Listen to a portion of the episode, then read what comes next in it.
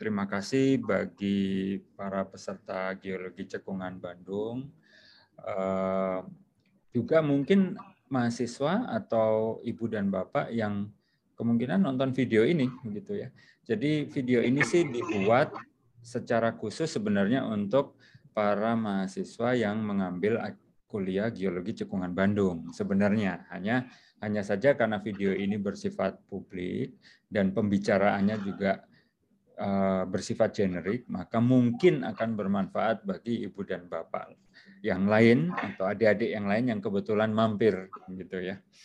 Nah, di ujung ruangan Zoom yang sebelah sana itu ada Ibu Ogi, nama lengkapnya Ibu Katarina Oginawati dari Teknik Lingkungan. Nanti beliau akan mengenalkan dirinya sendiri. Nah, kami itu akan bicara masalah Q-Health. Jadi, eh, sementara ini karena yang akan menyampaikan Bu Ogi, saya baru nebak kalau Q-Health itu mungkin artinya kesehatan bumi ya sebagai satu ekosistem mungkin itu itu dugaan saya tapi lebih jauh lagi kita mulai uh, diskusi dengan Bu Ogi gitu. Selamat sore Bu Ogi. Assalamualaikum. Waalaikumsalam warahmatullahi wabarakatuh. Selamat sore. Ya. Pak Erwin. Terima kasih ini sudah berkenan uh, bertemu di ruangan Zoom walaupun Eh, sama-sama sebenarnya agak lupa begitu. Tapi karena ilmu itu sudah nempel, maka sebenarnya mau di retrieve kapan aja itu siap kalau Bu Ogi. Mudah-mudahan insya Allah. Baik, Bu Ogi silakan memperkenalkan diri untuk para mahasiswa dan para penonton video YouTube ini. Silakan Bu.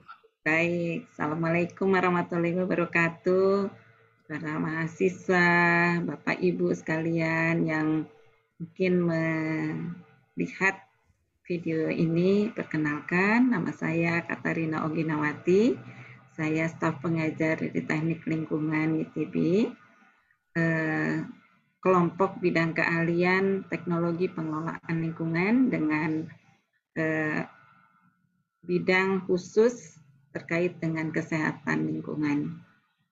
Eh, saya mengajar hampir 30 tahun dan eh, ya bidang saya mulai dari S1, S2 dan S3 terkait dengan eh, kesehatan lingkungan sehingga eh, ada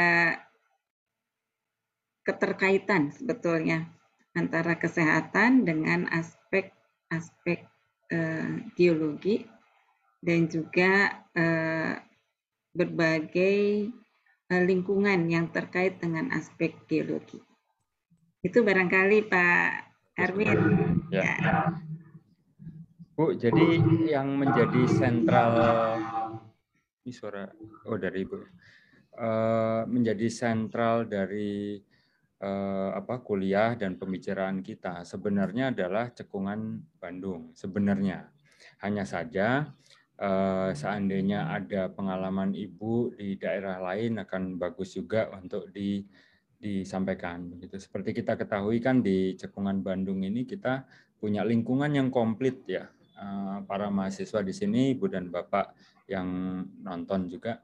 Jadi cekungan Bandung itu komplit dalam hal satu fenomena geologi itu dari yang panas, ya, ada gunung api banyak muter begitu, sampai yang sifatnya eh, apa namanya, yang itu tidak ramah dengan lingkungan manusia, sampai lingkungan yang ramah begitu ya, yang yang berkaitan dengan suplai air begitu ya. Jadi lingkungan di Cekungan Bandung ini sangat mendorong pemenuhan kebutuhan air itu bisa baik, kemudian udara juga mestinya bisa bagus begitu karena ada di ketinggian tertentu. Kemudian eh, bagi yang yang ada kaitan dengan perekonomian di bagian barat itu juga ada batu gamping begitu ya yang yang oleh masyarakat di sekitar situ di ditambang gitu untuk apa kehidupan mereka gitu. Nah, jadi kita punya lingkungan yang yang lengkap begitu. Nah, menurut Bu Oki ini fokus apa sih Bu yang yang berkaitan dengan geohealth yang sekarang Ibu kerjakan atau yang Ibu ketahui begitu yang ada di Cekungan Bandung. Silakan Bu. Baik, terima kasih Pak Erwin. Mungkin sebelum kita masuk pada aspek-aspek yang saat ini atau barangkali pernah saya lakukan terkait dengan geohealth ini, barangkali saya sampaikan dulu eh, kaitannya dengan eh, kesehatan lingkungan, di mana kesehatan lingkungan ini mencakup bidang-bidang atmosfer atau lingkungan udara, lingkungan prenatal, lingkungan sebelum kelahiran, kemudian aspek toksikologi lingkungan, kemudian uh, hidrosfer atau lingkungan air, hmm.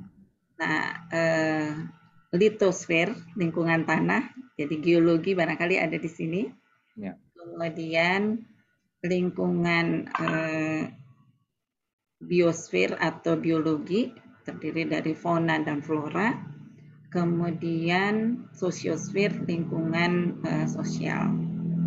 Jadi aspek-aspek semua lingkungan tersebut tidak bisa dipilah-pilah satu sama lain. Pasti akan saling berkaitan, saling berhubungan, terutama nanti di ujungnya adalah dampaknya terhadap kesehatan. Nah, kalau kita bicara mengenai eh, cekungan Bandung. Cekungan, namanya sudah cekungan ya Pak Erwin. Jadi dia layaknya atau eh, seperti mangkok begitu ya, cekung mangkok gitu. Sehingga dia akan mengumpulkan berbagai parameter, berbagai polutan, berbagai sumber daya mulai dari eh, lereng atau gunung, puncak gunung yang ujung-ujungnya nanti adanya di bagian paling rendah gitu ya, ya. yang paling cekung, yang paling bawah gitu. Jadi kalau kita lihat eh, cekungan Bandung itu yang paling bawah adalah adanya Sungai Citarum. Dan ini menjadi eh, perhatian buat semua, termasuk barangkali Presiden kita ya Pak Erwin yang menginginkan Citarum hmm. itu menjadi bersih karena ada eh, informasi atau isu yang menyatakan bahwa Citarum itu adalah sungai yang tercemar, yang paling tercemar di dunia. Gitu. Ya, kalau kita lihat memang karena dia adanya di cekungan yang atau yang paling bawah sehingga eh, polutan-polutan itu akan berkumpul di sungai ini. Ya. Jadi eh, kalau kita bicara mengenai dari atas ya barangkali Pak Erwin ya. ya. Dari atas itu dari gunung begitu ya, hmm, karena betul. kita itu di lingkung gunung ya, Bandung ya. di lingkung gunung gitu. E, dan gunungnya adalah gunung api, berarti e, kegiatan gunung api ini akan menghasilkan berbagai Eh, produk dalam bentuk eh, berbagai parameter. Gitu. Hmm, hmm. Ya, Jadi salah satunya adalah kita tahu bahwa ada SO2 hmm. yang tidak berbau begitu ya. Kemudian ada H2S, ini baunya khas gitu ya. Kayak eh, gas yang dikeluarkan oleh manusia gitu. Yeah, yeah. Kemudian ada eh, apa namanya gas-gas lain, termasuk juga eh, fluor ya. Jadi eh, banyak sebetulnya banyak sekali gas yang dihasilkan dari gunung api. Secara alamiah dia sudah ber eh, apa berada di dalam gunung api tersebut. Dan eh, kami pernah melakukan beberapa kali melakukan penelitian, salah satunya adalah fluor. Gitu.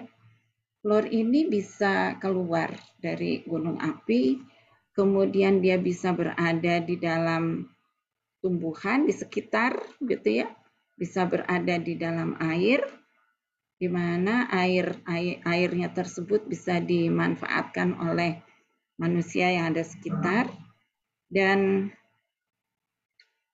eh, salah satu efeknya adalah menyebabkan fluorosis. Jadi kalau gigi yang warnanya coklat-coklat ya di, di pada masyarakat itu dikatakan sebagai fluorosis karena kelebihan fluor Kenapa kelebihan fluor? Karena masyarakat mengkonsumsi air yang mengandung fluor yang dengan konsentrasi yang tinggi. Itu adalah salah satu walaupun itu sudah lama sekali diteliti oleh rekan kerja saya Bu Indah Rahmatiah begitu pada saat beliau S1. Tapi, sampai hari ini itu Bu. Sampai hari ini harusnya menghasilkan. Iya, betul. Jadi ya harusnya dilakukan pemantauan ya Pak ya karena kita kan perlu mengetahui begitu ya sampai sejauh mana konsentrasi fluor ini di udara. Jadi gas itu adanya di udara kemudian nanti bisa jatuh ke eh, tumbuhan, bisa jatuh ke tanah begitu ya, bisa masuk ke dalam air gitu sehingga menimbulkan masalah eh, apa namanya pencemaran fluor pada sumber daya termasuk air, kemudian juga ujung-ujungnya kepada manusia. Saya mundur mundur sedikit tadi Ibu, ya. Ibu bilang ada fluor. Ya. Kemudian si fluor ini ada di udara, kemudian ya. dari situ bisa terpresipitasi istilahnya ya, kemudian masuk ya. ke dalam air begitu diminum ada penyakit fluorosis itu sampai sekarang ada? Ada, ada. Oh. Kalau kita lihat ke masyarakat Dieng ya, masyarakat okay, Dieng uh, itu kan daerah gunung api juga ya, ya. Wonosobo gitu ya.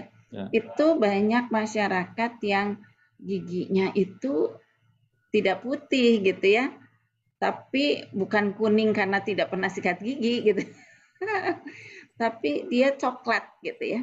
Coklat coklat yang itu mengindikasikan bahwa dia kelebihan fluor hmm. fluor itu diperlukan ya oleh gigi kita untuk supaya dia kuat begitu ya. Supaya dia uh, uh, tahan tapi kalau kelebihan itu nggak bisa. Jadi dia akan menjadi fluorosis gitu. Hmm. ya Baik. kan kalau pasta gigi itu kan ada apa mengandung fluor kata begitu ya. Tapi hmm. itu ada syaratnya ada standarnya begitu. Jadi eh, tidak boleh kelebihan karena kalau kelebihan menjadi fluorosis. Kalau kekurangan menjadi karies gitu ya. Ya, ya saya saya jadi berpikir begini. Saya jadi berpikir eh, sekarang ini kan kita melihat air galon itu seperti sudah ada di mana-mana ya bu ya.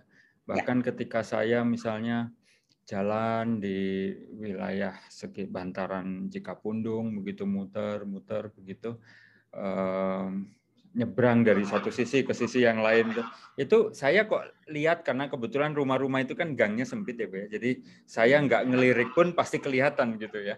Nah di, di hampir semua rumah itu sebenarnya ada air galon gitu. Hmm. Nah maksud saya eh, dalam kondisi seperti di Dieng begitu ya.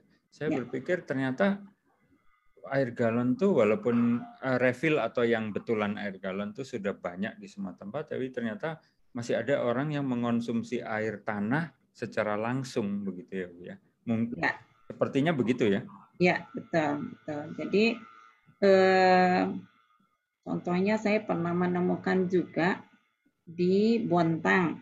Hmm. Di Bontang itu eh, nggak ada gunung api ya Kalimantan nggak ada. Nggak ada gunung api.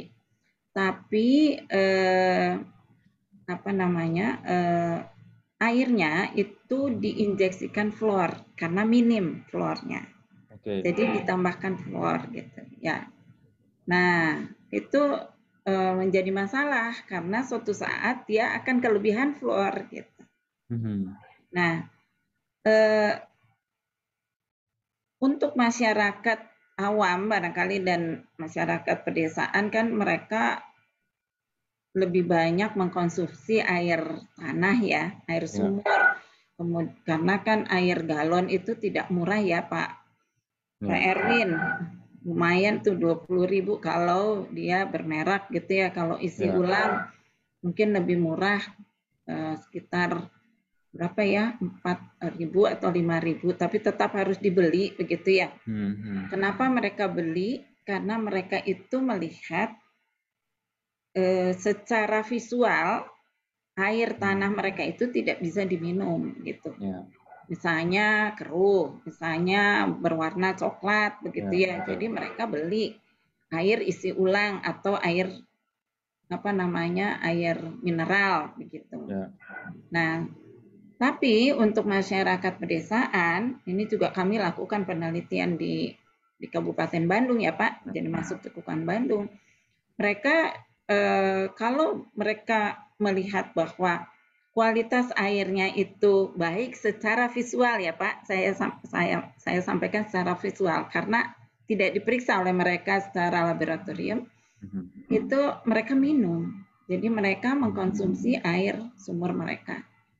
Ya, jadi eh, kalau minum memang mereka sekarang ini lebih banyak membeli air isi ulang atau eh, air apa namanya air kemasan gitu.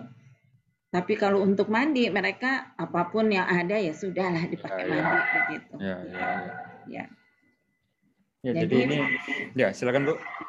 Jadi memang eh, tidak hanya fluor ya Pak yang ada di dalam air apa namanya air tanah itu tidak hanya ya. fluor gitu. Jadi banyak sekali parameter, ada aturan uh, Permenkesnya, ada parameter-parameternya termasuk juga cemaran-cemaran lain begitu.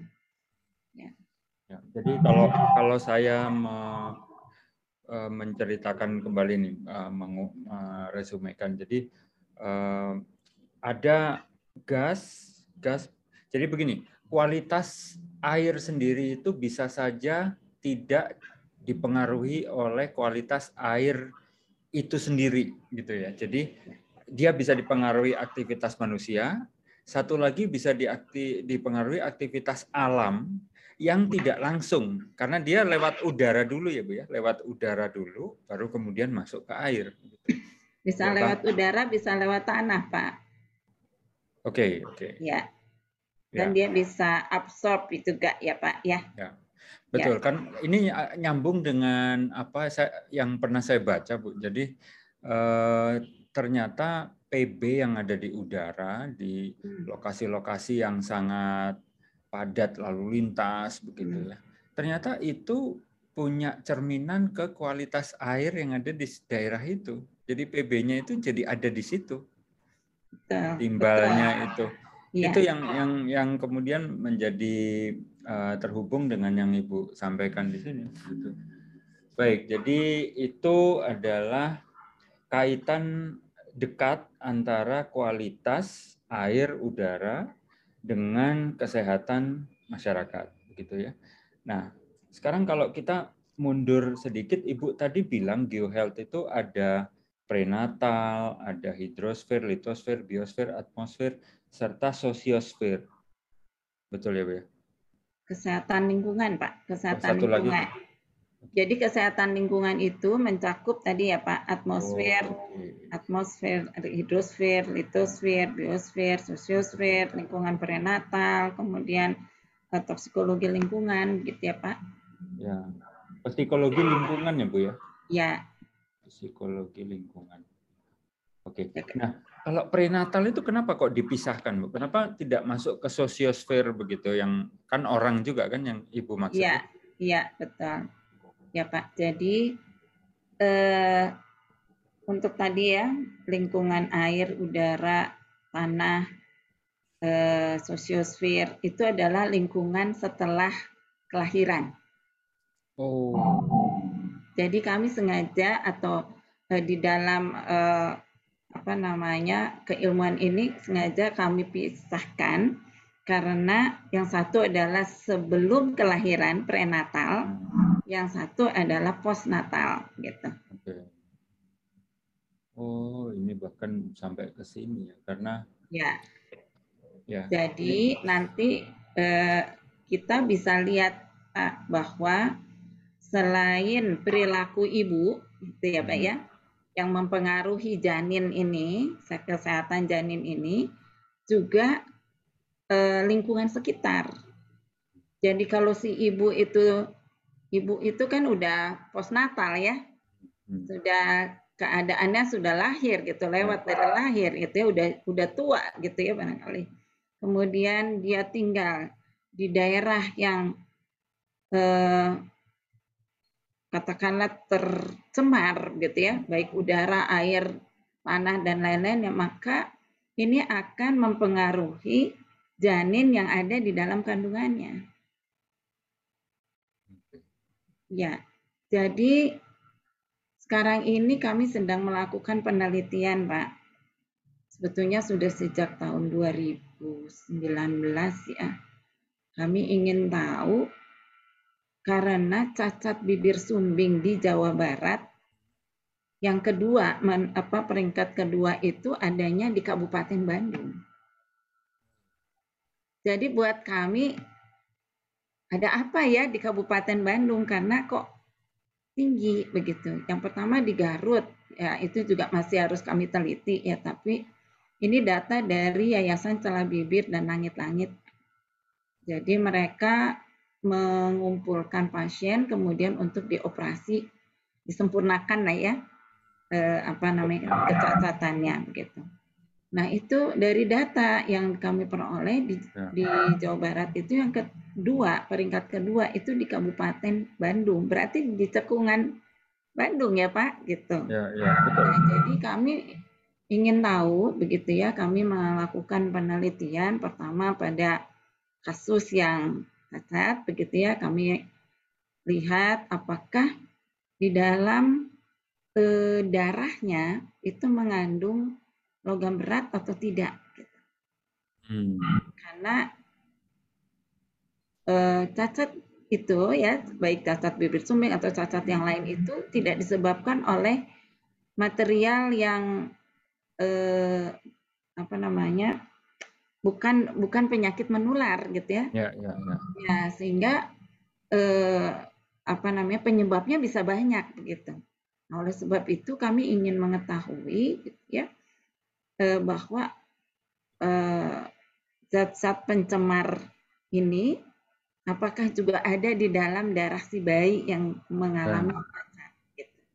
Dan ternyata betul ada logam berat walaupun masih eh, tidak tidak tinggi sekali begitu ya, tapi ada di dalam darah si apa bayi yang menderita bibir.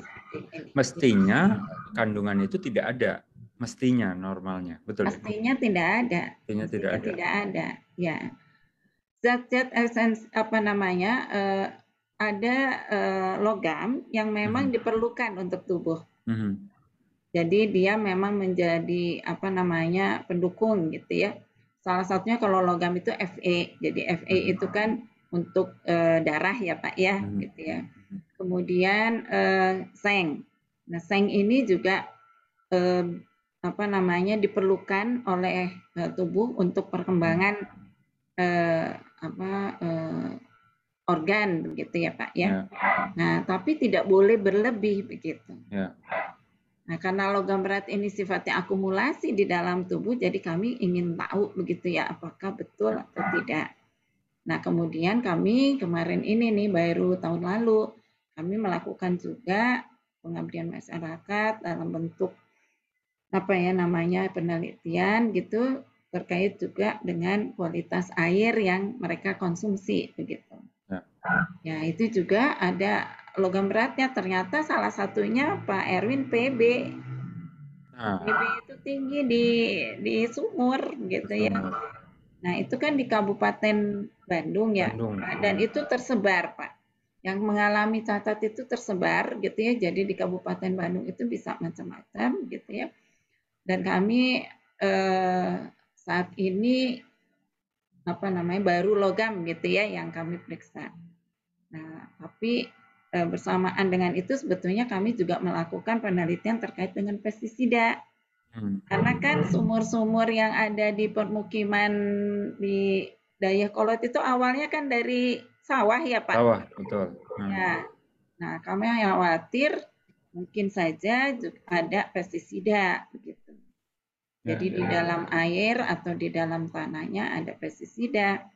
Karena penelitian sebelumnya di di utara ya, di daerah Kertasari, di maksudnya di Tekungan Bandung, tapi di hmm. bukan di daerah utara, di selatan barangkali ya, Kertasari, daerah ya, itu kami temukan bahwa mereka menggunakan berbagai jenis pestisida dan salah satunya adalah DDT jadi DDT Rasa, itu kan sudah nggak boleh digunakan gitu ya. Tapi sudah lama sekali saya nggak dengar itu Bu DDT itu. Ya ya ya. Ya. Nah kami yang melakukan tapi tidak sampai kepada ke penelitian juga, tapi yang di Kertasari itu eh, kami pantau atau kami lihat di dalam di udaranya ya, ya. di da di daerah pertanian itu di Kertasari itu banyaknya pertanian Pak Ya, ya, ya. Jadi kembali pada tata guna lahan juga ya kalau ini kan. Ya, selatan ini Bu, Kertasari nah, betul. Kertasari itu eh, apa namanya? pertanian banyaknya. Hmm. Jadi kami lakukan eh, penelitian terkait dengan air tanah di sana, air sungai, air tanah hmm. ya mengandung itu DDT, Pak.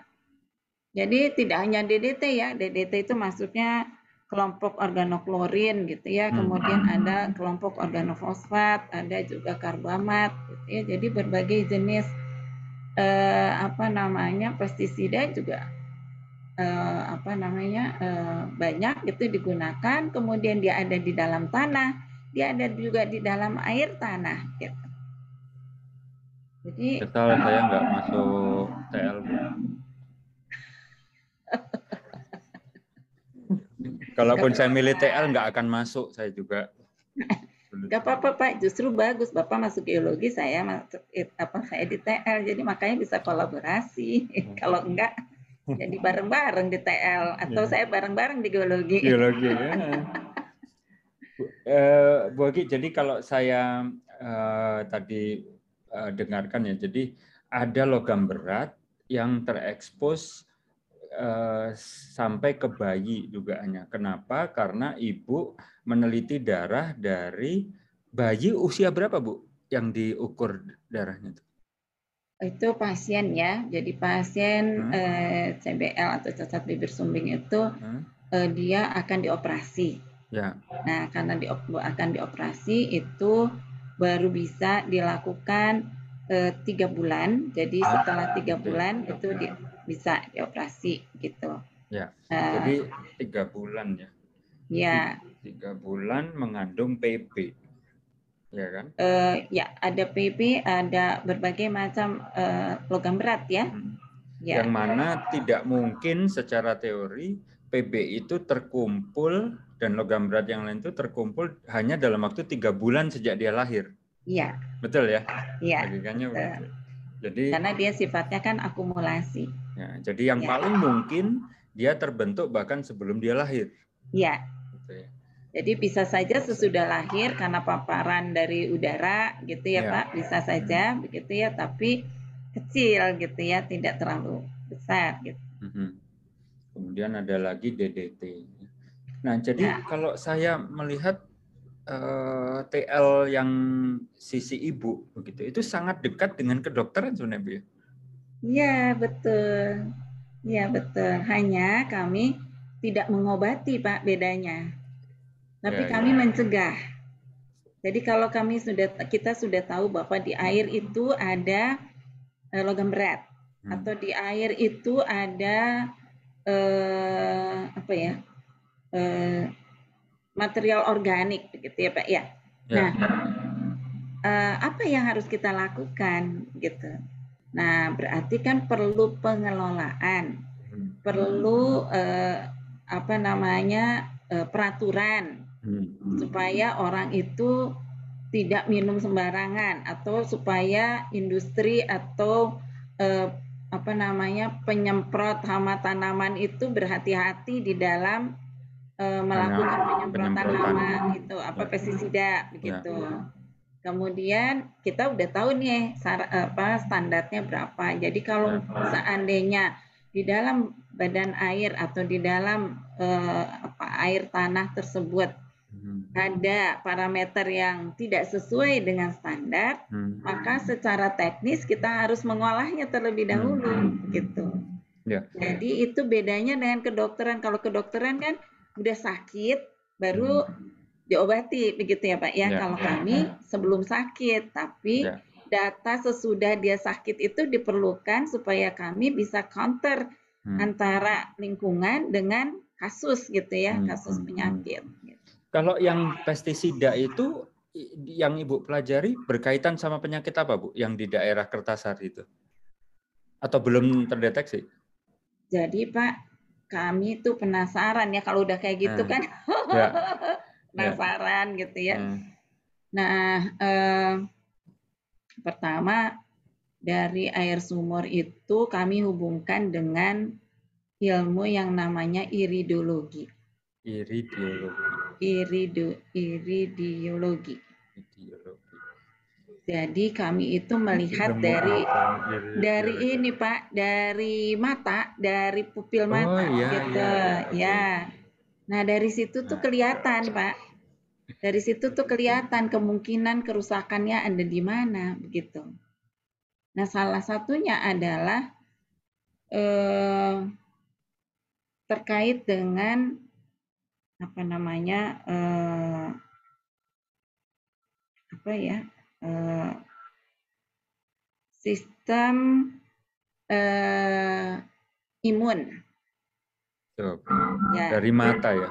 Dari mata jendela ya. hati itu bisa tahu imun bu ya jadi macam-macam eh, apa namanya terlihat begitu saya sih bersyukur sekali waktu itu saya ya ya itulah ya pertemanan pak ya. jadi saya berteman dengan salah satu dokter dokter ini okay. mudah-mudahan sekarang masih ada saya udah lama sekali tidak kontak dan dokter ini itu eh, me, apa namanya mempelajari itu Pak, iridologi ya. itu gitu. Jadi kita bisa lihat eh, kemungkinan-kemungkinan eh, masyarakat di sana itu sakit apa gitu.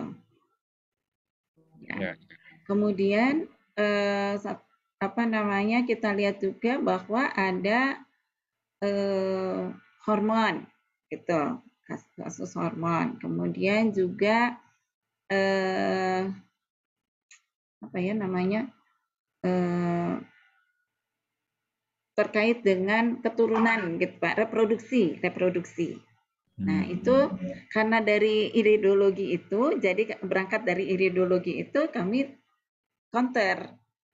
Kita lihat pada petani yang nyemprot ya, karena kan kalau minum, kalau minum itu kan perlu proses ya Pak. Tapi kalau nyemprot terhirup itu cepat prosesnya cepat, masuk ke dalam tubuhnya cepat. Jadi kami lihat petani-petani yang menyemprot ini apakah eh, apa namanya eh, terjadi kerusakan sperma atau tidak gitu. Yang si karena, yang nyemprotnya. Yang nyemprotnya. Yang nyemprotnya karena kalau bayi kan susah ya Pak atau anak susah atau orang yang tidak menyemprot itu barangkali terpaparnya tidak langsung begitu ya. Nah, ini kan langsung terpapar. Jadi kami lihat eh, bahwa memang ada beberapa yang mengalami kerusakan sperma.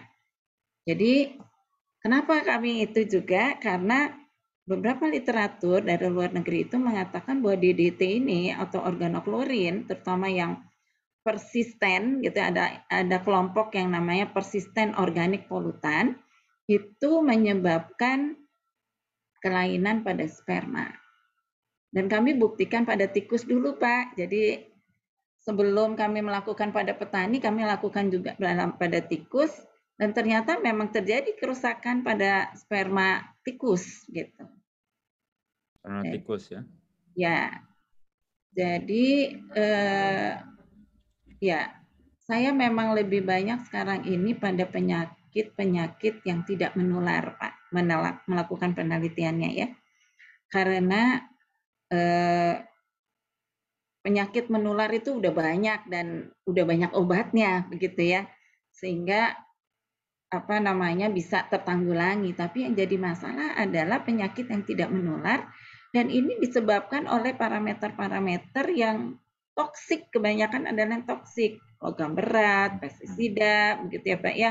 Terus zat-zat organik lainnya karena zat organik ini bisa dihasilkan dari berbagai kegiatan gitu ya, berbagai aktivitas tergantung pada tata guna lahannya. Di cekungan Bandung itu banyak sekali industri tekstil ya dan itu juga mereka membuang sering kali langsung ke lingkungan begitu ya zat warnanya gitu. Jadi uh, saya melihat uh, di Indonesia ini penyakit yang tidak menular udah mulai naik nih. Jadi sudah terlihat ya. Apalagi dengan COVID ini ya, orang yang sakit jantung banyak banget gitu ya Pak ya. Jadi Uh, tapi terkait dengan yang cekungan Bandung ini sangat menarik, makanya saya senang bisa bergabung dengan Bapak ya karena banyak sekali penelitian yang bisa kita ungkap gitu ya, yang kita bisa sampaikan karena ini tentunya bisa menjadi bom waktu begitu. Kalau kita tidak peduli gitu ya. Terus satu lagi adalah tapi saya belum melakukan penelitian. Mungkin Pak Erwin tahu ya di Soreang ya Pak, ada tambang emas ya di Soreang. Hmm, hmm nah, di Pangalengan juga ada tambang emas. Mereka menggunakan HG, menggunakan amalgamasi ya prosesnya. Nah, itu kan larinya ke lingkungan juga, Pak. Betul. Jadi masuk ke dalam ikan, masuk ke dalam padi, masuk ya ujung-ujungnya ke dalam tubuh manusia gitu ya. ya, ya betul. Dan saya khawatir suatu saat minamata bisa terjadi juga di cekungan Bandung gitu ya. Nauzubillah min dalik tapi ya, tapi ya kita harus aware lah gitu ya karena penyakit yang tidak menular ini semakin banyak gitu ya, semakin tinggi. Dan ketika sudah terjadi yang seperti minamata itu untuk melakukan pembersihan juga mungkin membutuhkan satu generasi Betul, sulit ya, sekali. Karena sudah nempel kan, sudah ada di dalam. Iya, iya dan di apa namanya kalau di air kalau ada sedimen gitu ya Pak ya, dia hmm. kan berubah menjadi metil Hg itu yang itu udah pasti metil Hg itu penyebab Minamata disease gitu ya Pak. Ya ya metil Hg. Ya, karena di ilmu geologi juga kan ada interaksi juga Bu. Jadi misalnya Ibu tadi di Garut ya ada ambil misalnya PB atau logam berat yang lain yang mungkin logam berat logam berat itu berasal dari sistem geotermal. Betul. Nah, sistem ya. geotermal itu bisa agak unik karena yang keluar mencampuri air tanah yang diminum penduduk itu bisa hanya gasnya tapi tidak panasnya. Ya. Ya. Gitu. Itu yang ya. yang agak jadi blunder gitu. Ini dari mana ini? Karena nggak panas.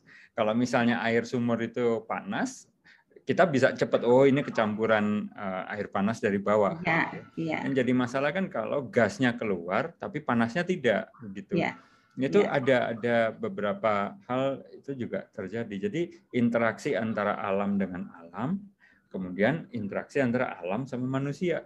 Betul. Yang mana sangat dekat hubungannya dengan uh, kesehatan ya. Jadi kesehatan lingkungan itu uh, ya satu kesatuan ini ada litosfer, biosfer, atmosfer. Iya, nggak bisa Pak dipilah, nggak bisa dipilah. Jadi misalnya kegiatan uh, itu ya penambangan emas kan Pak ya, hmm. penambangan emas itu kan pakai Hg itu. Nanti kan ya. dia akan membentuk budoyan ya, betul nggak ya Pak? Ini karena saya belajar dari mantan pacar nih. Alah. yang geologi juga gitu ya. Jadi hmm, bulionnya kan gitu. kan dibakar. Ya. Nah, dibakar kemudian dia kan menjadikan uap Hg. Oh, itu ya. ke mana-mana gitu. Jadi bisa masuk lewat air kemudian masuk ke dalam biota, bisa juga dibakar, karena dibakar dia langsung ke udara, ya. terhirup juga begitu ya. Oke. Okay. Ya, ini ini sekaligus yang yang Ibu jelaskan ini sekaligus me, memperkuat ya uh, ini Bu, apa semacam kebutuhan di ilmu kebumian untuk diversifikasi ya. Karena kan kalau orang bicara geologi sampai hari ini mungkin uh, persepsinya masih migas, mineral, gitu ya. Hmm. Eksplorasi uh, apa ya bidang yang sifatnya ekstraktif gitu, jadi mau mengambil sesuatu dari bumi. Kemudian bidang-bidang yang lain seperti geologi lingkungan, mungkin paleontologi, yang mana paleontologi itu kalau saya ikuti Bu, itu semakin dekat dengan kesehatan orang di masa lampau, yang mungkin hmm. polanya bisa berulang di masa kini gitu. Itu itu jarang dilihat oleh mahasiswa.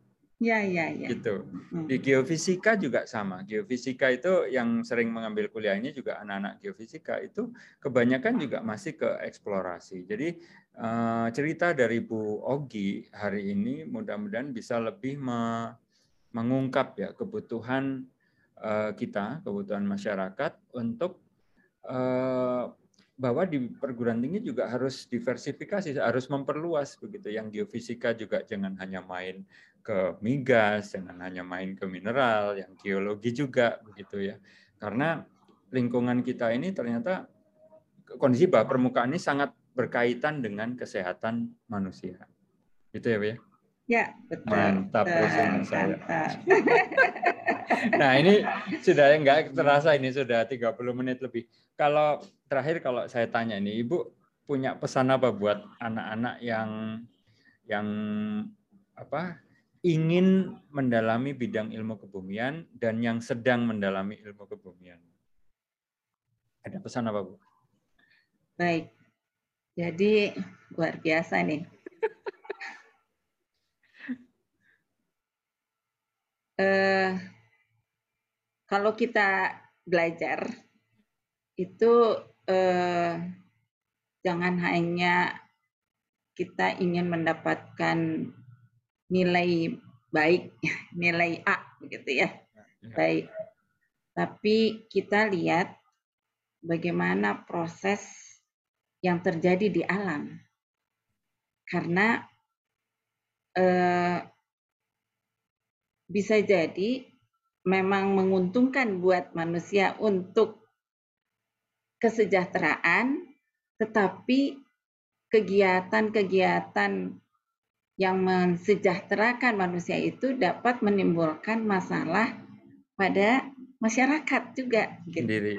Ya. Nah, sehingga kalau mahasiswa belajar mengenai ilmu kebumian, tidak cukup kalau hanya mempelajari apa yang ada di dalam bumi begitu ya. Hmm. Tetapi bagaimana proses, bagaimana mekanisme untuk meng, apa, eksploitasi atau memperoleh eh, bahan-bahan eh, galian atau apa pun itu harus juga dipelajari termasuk bagaimana dampaknya terhadap lingkungan dan manusia.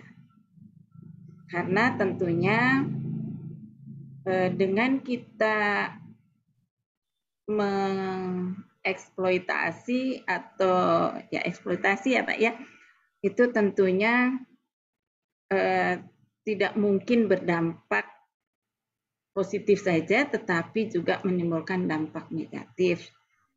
Dan itu kita sebagai ilmuwan, sebagai akademisi atau sebagai mahasiswa dan dosen, kita harus bijak. Ya, bagaimana kita mengeksploitasi tetapi aman untuk kita semua. Itu barangkali, Pak. Ya, terima kasih, Bu. Terima kasih. Jadi kurang lebih seperti itu uraian Bu Ogi eh, yang membuat kita, saya juga belajar banyak. Ini ada iridiologi segala, kemudian ada tikus, ada ya. Ini catatannya dalam bentuk draft ini masih masih draft Bu, sudah sudah ada nanti saya perbaiki, nanti saya kirim. Um, kurang lebih seperti itu. Terima kasih Bu Ogi. Baik, terima kasih Pak Sudah Erwin. di ini direpoti. Alhamdulillah, Ya. mudah-mudahan bisa menyumbangkan ilmu begitu Amin. Pak dan Ya. saya senang sekali bisa berkolaborasi dengan Bapak dan teman-teman di kelas ini. Ya. Mudah-mudahan eh, tidak hanya saat ini, barangkali kita Ya. ke depan kan harus eh, apa namanya sustain ya Pak ya. Ya, ya. Jadi mungkin eh, kita bisa bekerja sama tidak hanya dalam bentuk pengajaran, tetapi barangkali juga penelitian dan pengabdian masyarakat. Hmm. Ya. Itu Baik, saja. Bu. Terima kasih. Terima kasih sekali. Ya, Ketemu lagi. Assalamualaikum warahmatullahi wabarakatuh. warahmatullahi wabarakatuh. Ibu. Ya, bangga.